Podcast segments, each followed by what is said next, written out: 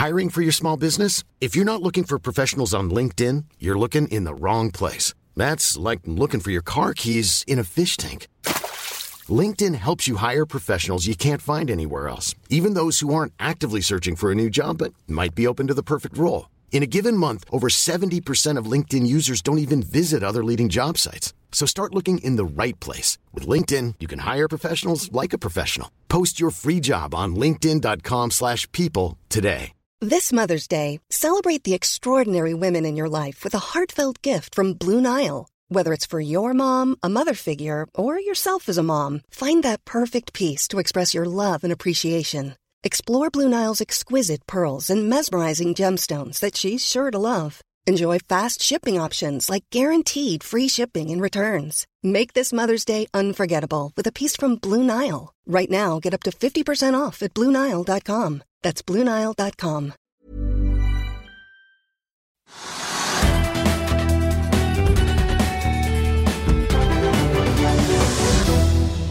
Velkommen til Økonominyhetene onsdag 9. mars, en dag der hovedindeksen foreløpig er opp 0,1 samtidig som det nok en dag skjuler seg store svingninger bak det tallet. Oljeprisen den har vært oppe i hele 131 dollar og 59 cent i spotmarkedet for et fat nordsjøolje i dag. Nå ligger den på 124 dollar, mens den amerikanske lettoljen ligger rett under 120 dollar fatet. I dagens sending skal vi høre mer om hvordan energikrisen og prisene slår inn i norsk næringsliv og industri, og vi får også besøk av DNB Markets oljeanalytiker Helge André Martinsen. Men først skal vi se litt på hvordan det ser ut akkurat eh, nå, for det er veldig grønt rundt oss på børsene i Europa. Det skyter kraftig opp på flere av de europeiske indeksene. I Stockholm er hovedindeksen opp 3% mens i Tyskland er dagsindeksen opp hele 5 i dag. Mens eh, de i Frankrike ligger tett på med en oppgang på 4,6% på CAC 40-indeksen. På Oslo Børs eh, er Equinor ned nesten 6 nå, og trekker dermed ganske mye ned, mens Aker BP ligger ned hele 7,3 i motsatt eh, ende så trekker hydrogenselskapet Nell opp med sin oppgang på 4 mens eh, teknologi- og ellæringsselskapet Kahoot er opp hele 20% Vi får eh, teknisk analyse av den aksjen litt senere. For øvrig så faller oljemyggen Interoil 30% Vi snakket jo litt om den aksjen her i går. Den har jo steget kraftig den siste tiden, men svingningene i aksjen er altså store. Får vi også ta med at eh, Golden Ocean Energy Offshore eh, vil gjøre en rettet emisjon på inntil 5,5 millioner nye aksjer. Det bidrar til at denne aksjen faller ganske kraftig, nesten 20% til 1,48 i dag. Og så har Horisont Energi kommet med melding om eh, med en liten oppdatering på Barents Blue-prosjektet sitt i Finnmark. Den aksjen har steget litt i dag på da samarbeidsprosjektet de har med Equinor og Vår Energi, hvor de skal eh, produsere hydrogen og ammoniakk med CO2-lagring. Før vi går videre i sendingen, husk at du også kan se sendingene våre ved å gå inn på fano-tv, og at vi også har andre podkaster enn bare Økonominyhetene, som Morgenkaffen, Gründerpodkasten Veien hit, Ukens vintips, Kunstpraten og bilpodkasten Mil etter mil. De finner du ved å søke Finansavisen der du hører på podkast. De skyhøye energiprisene fortsetter å prege norsk næringsliv og økonomi. På den ene siden eh, kunne vi se i dag at statens oljeselskap Petoro melder om at de i 2021 sendte hele 186 milliarder kroner inn til statskassen. Og 88 av de, de kom bare i fjerde kvartal alene. Det er eh, ikke helt overraskende soleklar eh, rekord og en økning på hele 215% fra året før. Petoro-sjef Kristin Kragseth, som tidligere ledet oljeselskapet Vår Energi, poengterer at de fantastiske tallene deres ikke akkurat er gode nyheter for de som er avhengig av å kjøpe all denne energien fra Norge. Petoro melder at eh, snittprisen de fikk for oljen sin økte fra 40 til 70 dollar i fjor, mens gassprisen økte fra 1,25 til 4,78. Produksjonen til Petoro økte svakt til 1,03 millioner fat oljeekvivalenter per dag. Men disse høye prisene får jo da nye konsekvenser for norsk næringsliv. Det siste i rekken er Norsk Skog og Yara. Yara melder i dag at de kutter produksjonen på italiensk Ferrara og franske Le Havre, som til sammen har en kapasitet på 1 millioner tonn ammoniakk og 900 000 tonn urea årlig. Inkludert vedlikehold regner Yara dermed med at eh, deres samlede europeiske produksjon blir redusert helt ned til 45% av kapasiteten innen utgangen av denne uken. Yara opplyser ikke hvor lenge dette vil pågå, men sier at dette er de to minst effektive anleggene de har, og at energiprisen dermed slår veldig hardt ut. Fra september til november i fjor måtte Yara også gjøre noe av det samme. Den gangen kuttet de sin europeiske produksjon eh, med rundt 30 Eh, målt av tilgjengelig kapasitet. Og på fredag så kommer konsernsjef Svein Tore Holsæter i Yara hit for å fortelle om hvilke enorme konsekvenser energiprisen nå har, ikke bare for industrien, men også hvordan dette sprer seg inn i gjødselpriser og matpriser og annet. Yara-aksjen den ligger omtrent rundt 0 eh, endring i dag. Også Norske Skog er altså rammet. De er jo også et industrikonsern som nå står midt i kryssilden mellom energipriser og markedsuro. I dag varslet Norske Skog at de inntil videre stenger papirfabrikken i Brygg i Østerrike grunnet de skyhøye energiprisene. Norske Skog eh, har steget rundt en prosent i dag, men er fortsatt ned rundt 10 kroner fra toppen på drøye 55 kroner som vi så i starten av februar. Konsernsjef Svein Ombudstvedt i eh, Norske Skog. Eh, nå har vi jo sett høye energipriser som har rammet dere og andre i industrien i Europa i flere måneder, men dere sendte ut melding i dag om at eh, nå er energiprisene så høye at dere må stenge produksjonen i bruk. Hva er det egentlig som har skjedd? Ja, det er en ekstrem volatilitet som vi ser nå, da. og den, den kom jo pga. krisen i Ukraina. Men fikk vel sitt verste utslag i begynnelsen av denne uka her. Er det sånn at dere ikke klarer å få lange kontrakter på gass, at dere er tvunget til å handle i spotmarkedet? Ja, Gassmarkedet er vanskeligere eh, å hedge, men så har vi også den situasjonen at vi kommer med en ny boiler i bruk, slik at gassbehovet vårt går ned betydelig fra april. Så vi, vi er egentlig ikke i markedet heller for så veldig lange gasskontrakter.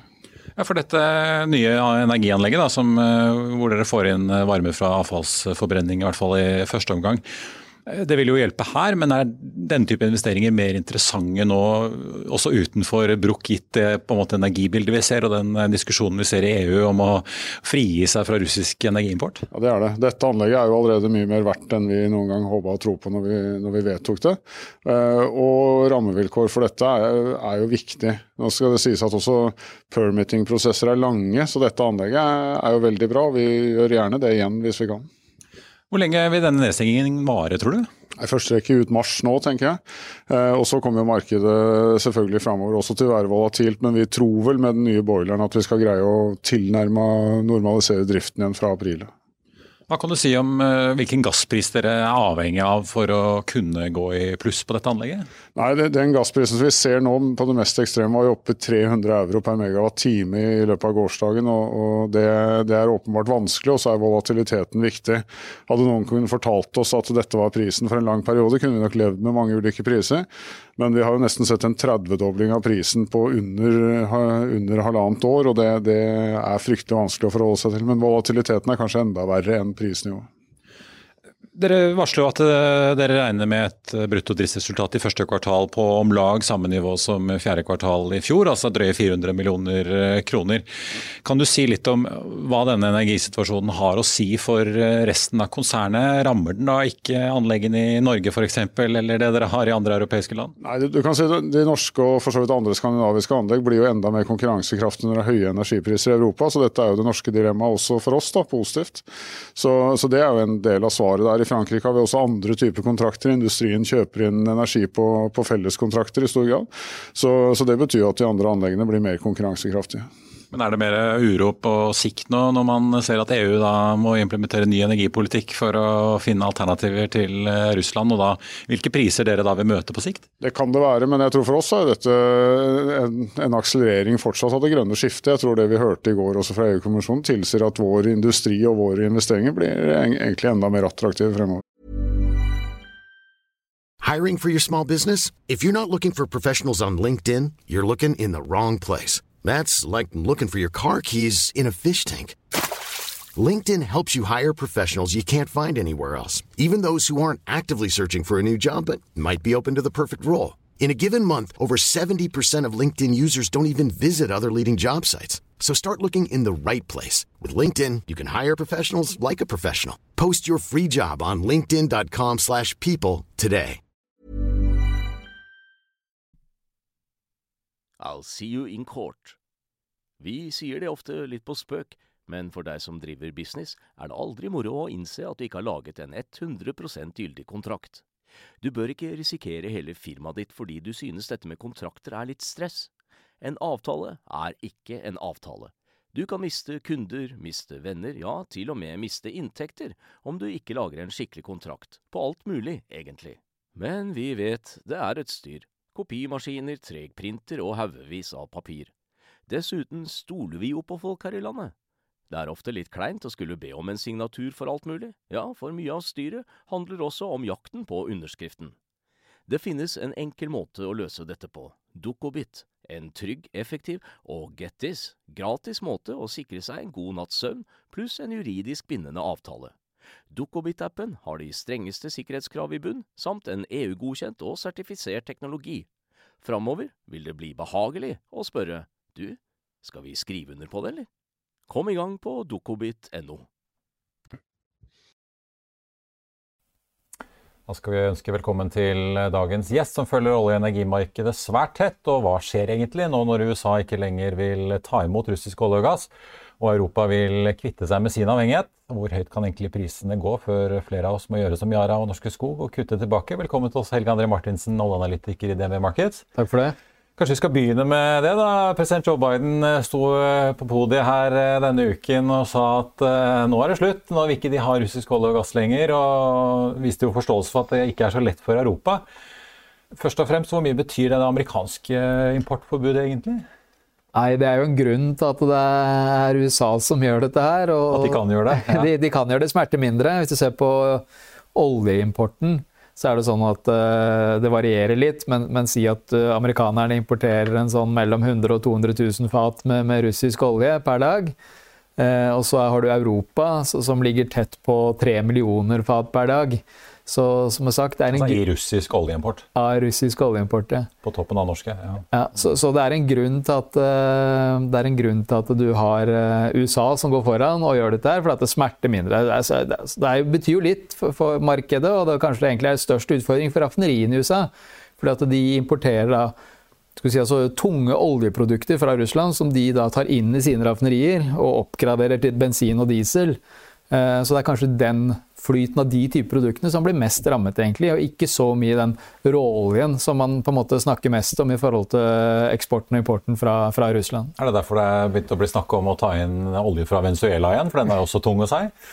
Ja, så det er klart at Man må jo prøve å balansere markedet her. og du har jo på en måte både, Man har begynt å snakke om Venezuela, men ikke minst så har man jo denne pågående forhandlingen med Iran rundt uh, gjeninntreden i atomavtalen, som har hatt et uh, voldsomt bra momentum de siste ukene. og det er klart at uh, Lysten til å få de fatene inn i markedet igjen fra, fra både amerikansk og europeisk side er, blir jo ikke noe mindre når oljeprisen tikker oppover.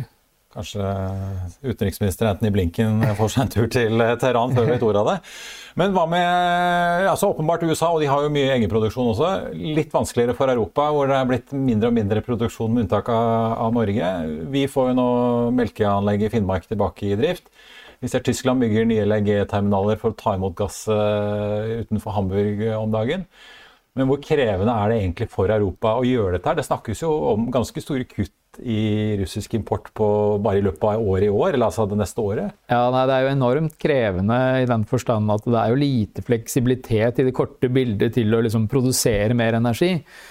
Så, så det, det, det, handler mest om, er jo egentlig å flytte rundt på, på, hvor du tar energi fra, og prøve å senke forbruket. Det er de liksom to viktigste elementene i den planen som EU hadde for å, for å kutte, kutte, sin russiske gassavhengighet. Men vi skal jo huske det at dette LNG-markedet, hvor de skal ta mer fat inn, da, den flytende naturgassen, det er et globalt marked. og det er jo sånn at skal de, skal de volumene inn i Europa, så må de tas fra et sted. Eh, og den russiske rørgassen den har jo destinasjon til Europa, så det er ikke sånn at eh, vi liksom kan bytte gass med andre og sende russisk gass et annet sted og ta inn denne LNG-en. Så det betyr jo at eh, gassbalansen globalt med på LNG strammer seg jo dramatisk til hvis Europa skal begynne å øke sin LNG-import. De snakket jo antydet liksom 50% økning i, i LNG-importen, eh, som er jo dramatisk. Men er det europeiske politikere nå skisserer i det hele tatt mulig? Ja, altså Mulig er det jo, men det kommer jo med en kostnad. ikke sant? Fordi at eh, da, da eh, vil vi ligge i en sånn på, si, altså evig krig da, med Asia om disse LNG-lastene. Eh, og, og, da vil jo på en måte gassprisen reflektere det. Og så vet vi jo på kontinentet så er det et én-til-én-forhold mellom strømpriser og gasspriser. Så har du det gående, på en måte. Da, da, men det er nok terminaler til å i teorien kunne ta inn, eller? Ja, i, i teorien. Hvis du, I forhold til den, den, skissen som de ga, at de skal øke med 50% så er det teoretisk mulig. Skal du erstatte all russisk gass, eh, så, så går ikke det. Eh, men, men, men, de har kapasitet til å øke en del, og, og, vi får se hva utfallet blir her. Men det som er verdt å merke seg, da, det er at per nå så øker jo flyten av russisk gass inn i Europa. Så per nå så ser det ut som europeiske kjøpere er mer enn happy til å ta imot mens på, på, olje så er det litt faktisk andre effekter eh, som man ser konturene Ja, der har jo russerne slitt med å faktisk altså kjøpe oljen. Shell fikk jo kjøpt litt på rabatt uh, tidligere i uken før de måtte snu seg helt rundt og nå si at de ikke skal kjøpe russisk olje lenger. Ja, og Det er kanskje mest interessant i forhold til oljemarkedet. Det er denne effekten av det vi kan kalle selvsanksjonering. For i utgangspunktet var jo sanksjonene designet sånn at det ikke skulle påvirke energistrømmene ut av Russland. Eh, men så ser vi da at flere og flere Det egentlig, går jo helt, helt fra individnivå til selskapsnivå. At man velger å avstå fra russiske produkter over hele linja. Eh, og det betyr at denne oljetraden da, den har en mer kompleks verdikjede. ikke sant? For du skal, du skal finansiere eh, trade finance, eh, du skal forsikre eh, lasten, og du skal skipe den. Og, og banker vil ikke finansiere, forsikringsselskaper vil ikke forsikre. Mange skippere vil ikke ha båtene sine med, med russisk last, for du er usikker på om du får losset den. Så det er mange mulige avbrudd i den handelskjeden på olje eh, som gjør at det nå ser ut til at vi eh, kanskje mangler da 3 millioner fat per dag med russisk oljeeksport, som normalt ligger på rundt 5 millioner fat per dag. Vi så jo da Norske Skog og Yara som de to siste eksemplene på aktører som må begynne å ta grep, for det begynner å bli så dyrt rett og slett at eh, det ikke regner seg å drive. Eh, strikken går kanskje litt lengre på husholdninger som skal holde seg varm nå utover eh, det som er igjen av vinteren før våren og sommeren kommer. Men likevel, når er det du begynner å regne at, at prisene begynner å bli så høye at det faktisk begynner å, å reelt sett dempe etterspørselen nok til å utgjøre en forskjell? På olje, eh, så hvis vi ser nå at vi nå er vi på, var vi oppe og snuste på 130 dollar, normalt sett da i de modne økonomiene, eh, så, som Europa og USA, så skal jo etterspørselen normalt sett da begynne å påvirkes. Eh, så vi begynner å nærme oss det vi kan kalle demand destruction-territoriet. Og så er da egentlig den store spørsmålet er hvor mye russiske volumer mister vi, og selvfølgelig hvor lenge. Det er kanskje et, også det nøkkelspørsmål nummer to som mange liksom folk bare fokuserer på hvor mye russisk eh, volum vi, vi, mister, men vi må ha liksom tidseffekten her òg, for det er på en måte volum ganger tid som er liksom viktig. Eh, og så er det da hvor mye kan, kan man kompensere fra Midtøsten? Eh, kanskje to millioner fat per dag. Eh, så hvis vi mister mer enn to millioner fat fra Russland, så betyr det at da er det oljeprisen som må dempe etterspørselen og kvele etterspørselen. Problemet nå i forhold til liksom beregningene er at verden er på vei ut av en pandemi. Ikke sant? Så normalt sett når du regner på disse effektene, så har du en sånn litt sånn steady state i forhold til forbruket, mens nå er mobiliteten i verden på vei opp. Så, sånn at du har en motsetning i, i, i, i, den kraften at du åpner opp for mobilitet, som gjør at disse regnestykkene i forhold til prissensitivitet nå er eh, vanskeligere enn noen gang, egentlig. Ja, I hvert fall når man ser drivstoffpriser. Ja, I USA har den jo passert 4 dollar per gallon, og her i Norge gått opp på 20-tallet flere steder. Da begynner kanskje noen å savne hjemmekontoret litt igjen når det er så dyrt å komme seg på jobb? Ja, det er meningen. da, at Vi skal endre atferd. og det, Akkurat det med diesel i Europa, det skal man være klar over. at uh, vi, vi, snakker mye om oljen, men, men, Russland eksporterer også oljeprodukter. Og dette med gass, olje, diesel er en, en, en, en viktig kilde da, fra, fra, Russland inn i Europa, som gjør at dieselprisene uh, er ekstremt høye i forhold til også olje, relativt oljeprisen. Så du får liksom konsekvenser i, i liksom hele verdikjeden av, av, det som foregår for øyeblikket. Du var litt innpå det, hva eventuelt Midtøsten kan eh, bidra med. Hvert eneste OPEC-møte nå blir jo fulgt ekstra med argusøyne. Kanskje to millioner fat fra OPEC, som de reelt sett kan slippe opp? Ja, Det vi skal huske, er jo at uh, OPEC-produksjonen har jo vært uh, kuttet kraftig ned uh, i forbindelse med pandemien. OPEC pluss-landene hadde jo et kutt på på sånn åtte millioner fat i, i nesten et år under pandemien. Og så har de nå gradvis sluppet opp på disse kuttene. Men det vi ser, er at aktiviteten Altså, hvis du ser riggtellinger og sånn i Midtøsten, er jo veldig lave. Så det som har skjedd, er at produksjonen begynner å normalisere seg. Fordi at vi har liksom slippet opp på kuttene, så, så produksjonen er på vei opp. Mens riggtellingene er, er, veldig, veldig lave fortsatt. Eh, både i Saudi-Arabia, Emiratene, Kuwait, Irak. Så, som gjør at de er nok uforberedt på at det liksom For det første tror jeg de var litt uforberedt på hvor rask etterspørselen har kommet tilbake. Eh, sånn at de var, de var litt på hæla allerede. Eh, og så får du da en sånn tilbudsforstyrrelse som plutselig gjør at vi må ha kanskje betydelig mer volum fra de veldig raskt. Eh, og da tror jeg de kommer til å få litt panikk i forhold til liksom, aktivitetsnivå, om de har på en måte kapasiteten som behøves. Så, så det er veldig verdt å følge med på. Midtøstens evne til å levere disse volumene, for de må leveres da relativt raskt. Ja, men ja, for er det uklart hva de egentlig kan levere selv om det, de vil? Det har det jo alltid vært uh, uklart. Ja. Altså, Saudi-Arabia har jo alltid hevdet at de har en viss kapasitet, men sjelden produsert på de nivåene. Og i hvert fall ikke over tid. Du har hatt uh, månedshopp som har vært ganske høye. Uh, men vi har jo ikke på en måte hatt en vedvarende situasjon hvor de må produsere høyt. Og vi, bare for å ta Saudi som eksempel, så er Saudi-produksjonen for øyeblikket ca. 10,2 millioner fat per dag. Og hvis du ser snittproduksjonen fra 2015 til 2019, så var den 10,2. Så de er liksom man kan tenke at liksom, ja, De ligger ikke langt under det de historisk har produsert. Nettopp. De er innenfor liksom normal produs, produs, produksjonsrange allerede. Uh, så, så, det er verdt å, å, notere. Og så har vi jo disse famøse skiferprodusentene i USA, som jo det siste tiåret har vært igjennom med først Klondyke. Uh, så en enorm nedtur hvor det var store kostnadskutt. Uh, de ble vel omtrent påtvunget en ganske mye strengere kapitaldisiplin eh, før de kunne begynne å bore igjen. Men nå ser vi jo da en, også en amerikansk oljepris som eh, ligger rundt 120 dollar fatet. Er det sånn at vi, til tross for Joe Bidens kanskje opprinnelige klimaplaner, kommer til å se en litt sånn gjen, gjenoppvåkning av amerikansk skiferindustri? Og hvor mye eventuelt tror du de kan komme ut med? Nei, så Du har jo de har jo på en måte våknet eh, liksom halvveis opp av dvalen allerede. Så, så, det var jo en anstendig veksttakt fra skiferoljen eh, egentlig før denne krisen.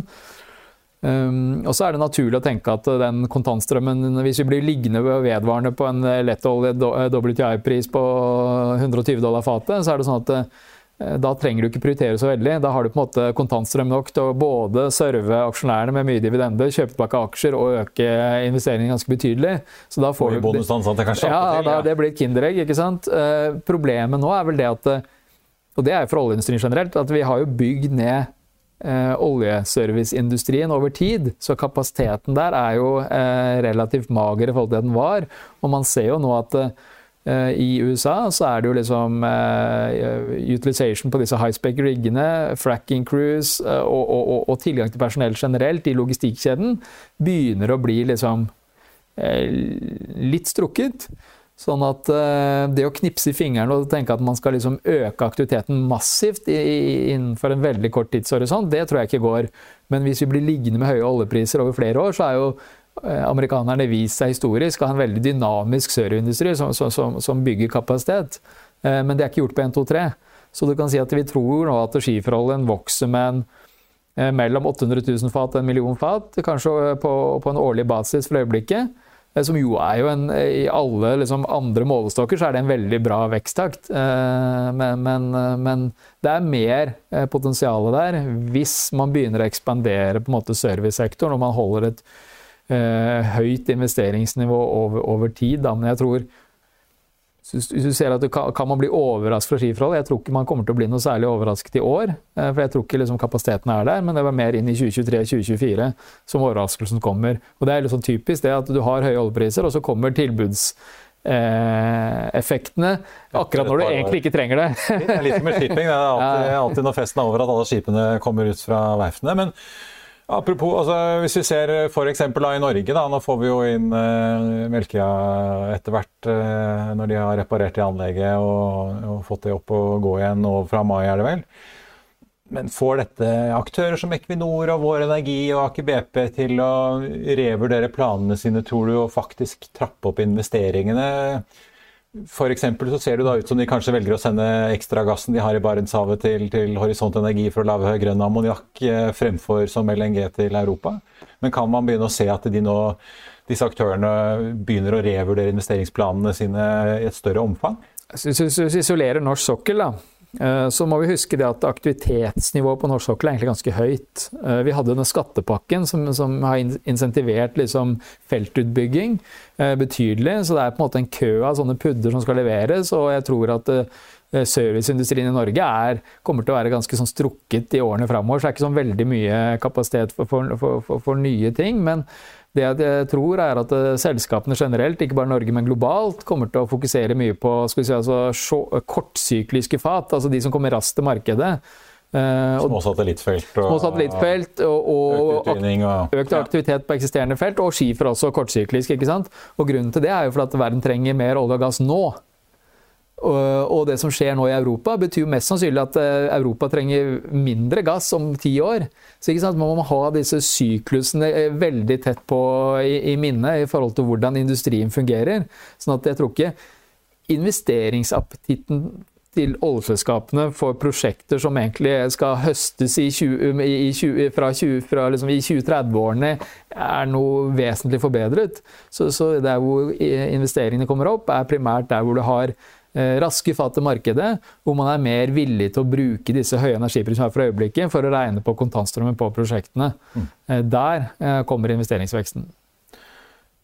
Til slutt, Det kan jo selvfølgelig, får vi jo da egentlig håpe på, at det plutselig blir en våpenhvile og kanskje en fredsavtale mellom Putin og Zelenskyj i Kiev. Eh, men hva er den potensielle nedsiden i olje- og gassprisene hvis det plutselig da blir en avtale og freden eh, på en måte legger seg som et teppe over Europa igjen, eh, som vi får håpe på? det? Nei, altså si er det en lysbryter ned igjen til 100 dollar fatet? Nei, jeg tror nok man vil uh, se an altså, Dette kommer helt an på hvordan sanksjonene vil uh, være. ikke sant? Om, om, du kan få en fredsavtale, skal disse sanksjonene sitte på? Og denne selvsanksjoneringen vi snakket på, skal den være til stede? Eh, eller skal man fjerne sanksjonene liksom, om verden aksepterer eh, russisk olje og gass igjen? Uansett så vil jeg tro at det langsiktige skiftet, det kommer vi til å gjøre. Vi kommer til å akselerere eh, oss bort fra, fra, fra, russisk olje og gass. Spørsmålet er liksom hva som skal skje her i, i de neste årene. Eh, og, og, hvis gassflyten i, til eh, Europa fra Russland eh, normaliseres og, eller holdes på dagens nivå, så er liksom nedsiden ganske betydelig for, for, gassprisene. For vi ser at gassbalansen i Europa i utgangspunktet egentlig har blitt litt svakere eh, de siste ukene. Mens gassprisene har gått eh, i taket pga. geopolitisk usikkerhet. Så på gassprisene er nedsiden ganske formidabel. For oljeprisen så er det jo sånn at hvis du, hvis du får russisk gass, olje tilbake og flyt normalisert, og samtidig du signerer en atomavtale med Iran og får Iran-fatene tilbake, så er det klart at da kan kan vi fort eh, dette under 100 eh, dollar fat igjen. Ja. Så, men problemet her nå er at du, det mest sannsynlig det er ganske binære utfall. Så Enten så liksom får du deeskalering, fjerning av sanksjoner, eh, energiflyt normaliseres, eller så vil du måte være et sted hvor du på en måte har en kontinuerlig eh, bortfall da, av russisk energi i markedet og, ha, og må leve med veldig høye energipriser i en vedvarende periode. Eh, så Det er det som er utfordringen, og som gjør at egentlig både investor og selskaper må planlegge for et ganske vidt utfallsrom eh, framover. Eh, men, ja, men sånn som i år, da, så det vil vel uansett ta såpass lang tid før alle disse sanksjonene eventuelt fjernes og ting kommer tilbake at uh, oljeprisen vil kanskje holde seg godt over sommeren? Uansett hva som skjer? Jo da, men, men, så skal vi huske at sanksjonene rammer, skal egentlig ikke ramme oljeflyten. Sånn at hvis, hvis, du får en deeskalering og det blir mer aksept og, og selskapet blir mer komfortabel med å handle russisk olje, for, de er tross alt unntatt sanksjonene bortsett fra nå i, mot USA, så, så, så, kan man jo på en måte få normalisert oljeflyten ut av Russland eh, med, med, med, med, det sittende sanksjonsregimet, egentlig. Eh, det handler bare om at man blir, må bli komfortabel med det eh, blant, eh, blant selskapene. da. Ja, jeg vet ikke om du tør å spå om Shell, BP eller Equinor tør å gå tilbake til Russland og, og gjenoppta investeringene der? Nei, det, det, sitter nok langt inne, og det er et av de varige skiftene vi antageligvis kommer til å se. Som, samtidig som, sant, som, vi snakket om at eh, Europa kommer til å gjøre den vridningen bort fra, fra, russisk gass, definitivt. Uansett hva som skjer i det korte bildet, og med fred eventuelt og deeskalering, så kommer også eh, vestlige selskaper til å holde seg unna Russland. Så vi får en del sånn varige trendskifter her som vil påvirke markedet også i det lange bildet. Eh, så, så, så det er definitivt riktig. Så vi i hvert fall at interessen for norsk sokkel virker å være fortsatt høy. Eh, Kerrigan Capital eh, sin Pandion Energy kjøpte jo da One Dias sine eiendeler på norsk sokkel i dag og dobler produksjonen. Så ja, norsk sokkel er jo er i gang. Norsk sokkel står jo på en måte ut som et, på en, måte et sånt, eh, en livbøye for Europa i forhold, i forhold, til gassen. At vi er en stabil leverandør, og de, de vil jo ha all norsk gass de kan. Og hvis vi klarer å øke gassproduksjonen, så vil den bli tatt imot med, med, åpne armer. Men samtidig skal vi huske at eh, Europa vil gjøre alt de kan for å kvitte seg med gassavhengigheten eh, i det lange bildet. Så, så du kan si at Norge i det korte bildet blir en klar vinner. I det lange bildet så blir det en relativ vinner i et tapende marked, for å si det sånn. Så, så man skal på en måte ha den, det, den, effekten med seg også. Kanskje derfor vi har sett både olje- og gassaksjer og fornybare aksjer stige ganske mye i det siste. Men til slutt så har det kommet spekulasjoner i dag i bransjeavisen Upstream om at det kanskje jobbes med å øke norsk gasseksport eh, med en 15-30 milliarder kubikkmeter. Tror du at det i det hele tatt er mulig å få noe reell økning av betydning? Altså jeg tror at eh, man kanskje kan, Nå har ikke jeg sett liksom alle elementene her, og jeg har ikke innsikten i det, men, men jeg vil tro at du får jo Melkøya, som du var inne på, tilbake. Det, det bidrar jo. Eh, og så vil jeg jo tro at hvis du skal hjelpe Europa, da, nå, så, så, så, handler det egentlig det om å, å, å fintune alle eh, liksom Optimalisere all flyt. Og så, ha, så, handler det om at norsk sokkel har egentlig kapasitet til å eksportere mer i det som normalt sett er liksom skuldersesongen, vår sommer, hvor det er ledig kapasitet. Sånn at vi kan jo hjelpe Europa med å fylle opp gasslagrene i, i, i Europa ved å eksportere mer gjennom sommeren. Eh, som betyr at man må ha si, altså fokus på effektiv vedlikehold, og kanskje også da muligens også skyve på noe vedlikehold ut i tid, hvis mulig, for å hjelpe eh, Europa i den situasjonen det er nå. Så, så, vi kan jo gjøre den type eh, grep, men, men, også tro at eh, norsk gasseksport skal, skal, vesentlig opp fra liksom peak-nivåene. Det, det, tror jeg er vanskelig å få til. Men, men et å, å vekst i årssnittet, det, det, er definitivt mulig. Ja. Eh, uten tvil så blir det i hvert fall sikkert hektisk møteaktivitet mellom Oljedirektoratet, Gassco og alle, alle, selskapene på sokkelen. Helge André Martinsen i DNB Markets, tusen takk for at du eh, kom til oss. Som jeg nevnte tidligere på luften, så skjer det jo ting altså på norsk sokkel. Like før jul så ble det jo kjent at Aker BP skal slå seg sammen med Lundin Energy, og i dag kom altså meldingen om at Private Equity-eide Pandion Energy har signert en avtale med nederlandske One Dias om å kjøpe deres virksomhet på norsk sokkel, som inkluderer en eierandel på 10% i Nova-feltet, som er en satellitt i Gjøa, og elleve letelisenser. Pandion Energy-sjef Jan Christian Ellefsen sier i en uttalelse at de fortsetter å satse på norsk sokkel, og at uh, M&A-aktiviteten på sokkelen var litt treg i første halvdel av 2021, men at flere muligheter begynte å åpne seg etter hvert som man nærmet seg 2022. Og på Oslo Børs eh, nå så er hovedindeksen opp 0,2 eh, Det er det ikke oljebransjen som eh, kan takkes for eller ta kreditten for, holdt jeg på å si. For Equinor er ned nesten 5 nå, Aker BP er ned 6,5% Vår Energi er ned 5,7% Alle disse oljeselskapene har jo hatt en voldsom opptur i det siste. Men de svinger jo veldig mye dag til dag, avhengig av situasjonen i oljemarkedet og nyhetene fra Ukraina. Oljeprisen ligger nå i spotmarkedet for et fat nordsjøolje på 121 dollar og 80 cent. Det er ned 5,7 eh, fra i går. Og vi var jo helt oppe over da 130 dollar tidligere i dag. Langt bedre går det bl.a. med hydrogenselskapet Nell, som opp 4,5% Kahoot var jo opp nærmere 20% nå 14, nesten 15% DNB stiger også hele 4% Den aksjen har jo på linje med mange finans- og bankaksjer slitt i det siste. Og så ser vi jo også at eh, Movi, som har hatt eh, også litt press på seg i det siste, er opp 3,3% mens eh, ja, vi kan kalle det fornybaraksjene Skatec og REC Silicon er opp 2,7 og 4,95 i Finansavisen i morgen kan du lese Trygve Hegnars leder om statsministeren, som er som en fisk i vannet i internasjonale fora, men som også snubler og bløffer. Du kan lese intervju med finansminister Trygve Slagsvold Vedum, og det blir også børsintervju med Daniel Stenslet i Arctic Securities.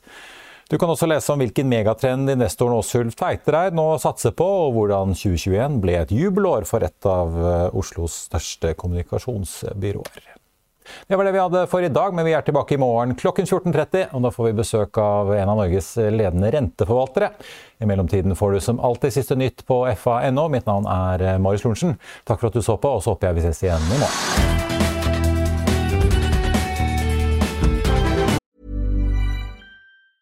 Hey, it's Danny Pellegrino from Everything Iconic. Ready to upgrade your style game without blowing your budget? Check out Quince. They've got all the good stuff shirts and polos, activewear, and fine leather goods, all at 50 to 80% less than other high end brands. And the best part? They're all about safe, ethical, and responsible manufacturing. Get that luxury vibe without the luxury price tag. Hit up quince.com slash upgrade for free shipping and 365 day returns on your next order. That's quince.com slash upgrade. Hi, I'm Daniel, founder of Pretty Litter. Did you know cats tend to hide symptoms of sickness and pain? I learned this the hard way after losing my cat, Gingy. So I created Pretty Litter, a health monitoring litter that helps detect early signs of illness by changing colors, saving you money and potentially your cat's life. Pretty Litter is veterinarian developed, and it's the easiest way to keep tabs on your fur baby's health right at home. Go to prettylitter.com and use code ACAST for 20% off your first order and a free cat toy. Terms and conditions apply. See site for details. Without the ones like you, who work tirelessly to keep things running, everything would suddenly stop. Hospitals, factories, schools, and power plants, they all depend on you. No matter the weather, emergency, or time of day, you're the ones who get it done. At Granger, we're here for you with professional grade industrial supplies. Count on real time product availability and fast delivery. Call clickgranger.com or just stop by. Granger for the ones who get it done.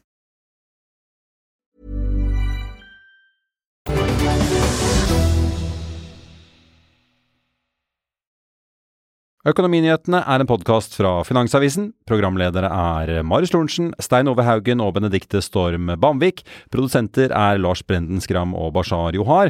Og ansvarlig redaktør er Trygve Hegnar.